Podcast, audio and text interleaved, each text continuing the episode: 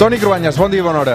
Hola, bon dia. Aprofitaràs aquest cap de setmana llarg que tenim o no? Sí, sí, sí, ja tocava, no? A més, l'afegit de demà també, eh, que és festiu. O sigui, demà, eh, tu res a celebrar, 12 d'octubre? No, bé, en realitat treballo, eh? Entre altres Ah. coses perquè... Sí, demà tra treballes o no treballes? Que... Perdó, perdó, no, no, demà no treballo, perquè Ah. no tinc els nanos que no van a l'escola, però també penso, eh, que, que això de la hispanitat no, no hi tenim gaire a celebrar, no?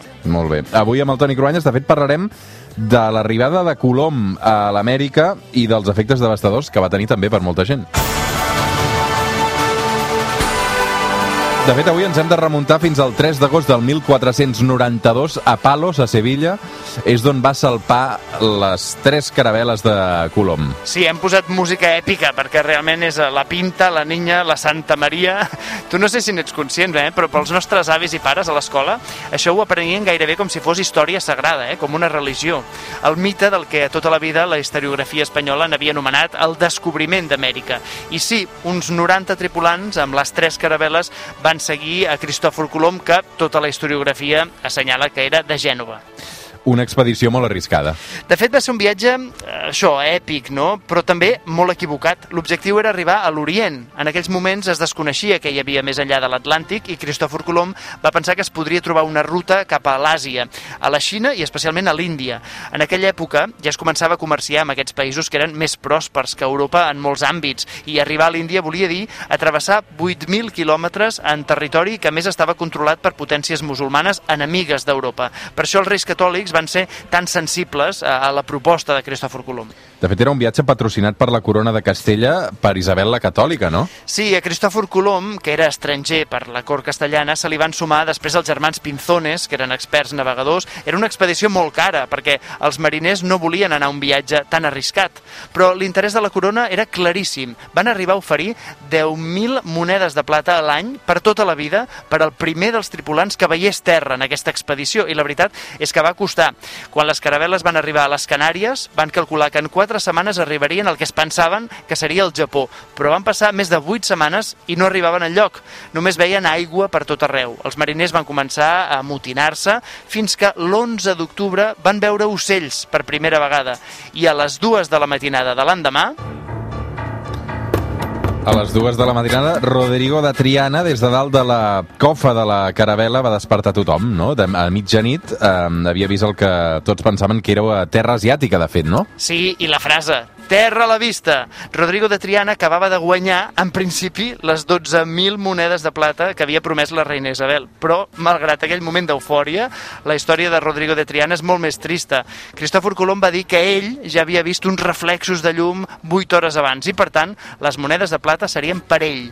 O sigui que Rodrigo de Triana, que va morir pocs anys després, eh, alcoholitzat, es va suïcidar, era pobre, podríem dir que va ser la primera víctima en aquesta història de Cristòfor Colom. N'hi va haver unes quantes més. El primer lloc on van desembarcar els castellans va ser en aquest cas a les Bahamas, no? Van batejar el lloc com a Sant Salvador, tot i que els nadius, és clar, ja tenien un nom per la seva pròpia terra. Es deia Guanahani.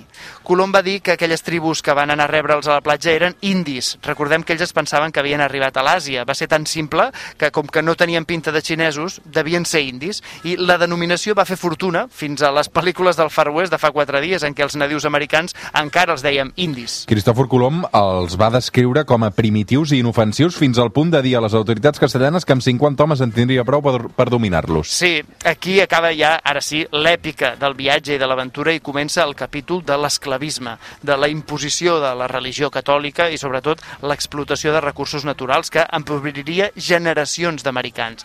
Mira, anem a pams, a veure, l'esclavisme, la mort dels indígenes. En 18 anys de l'arribada de Colom, el 98% de la població de l'illa, a Sant Salvador, ja havien mort. El 98% en 18 anys, eh?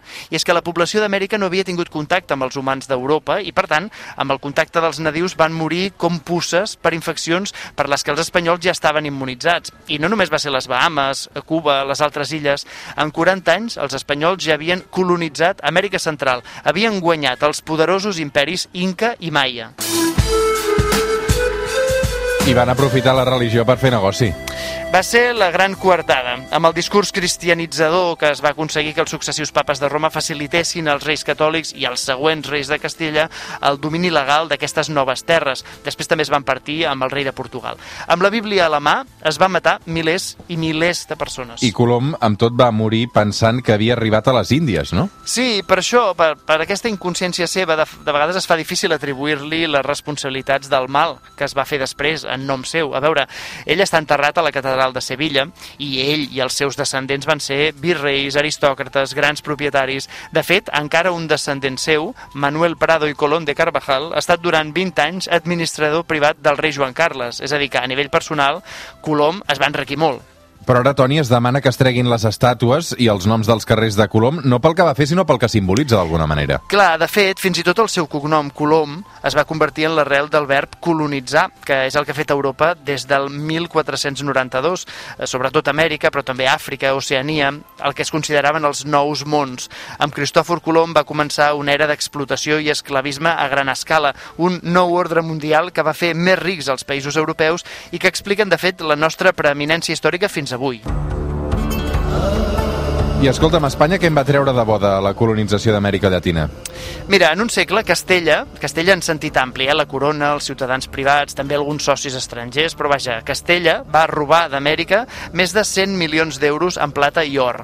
Segons càlculs actualitzats per experts, l'explotació del nou continent seria de 3 bilions en B d'euros. Però a Espanya es va gastar bona part del diner en les guerres de religió a Europa en contra dels protestants, a França, a Alemanya, a Flandes, i bona part de l'or i la plata es van fer servir en els altars i les catedrals a major benefici de l'Església Catòlica Espanyola i amb tot, a finals del segle XVI, les arques de la corona de Castella ja estaven en bancarrota. I no van saber aprofitar bé l'explotació d'Amèrica? No, realment no. A diferència dels britànics i els holandesos, que després van ser mestres en la colonització dels nous territoris que van aconseguir, els espanyols d'aleshores no se'n van sortir. Però això ja és una altra història.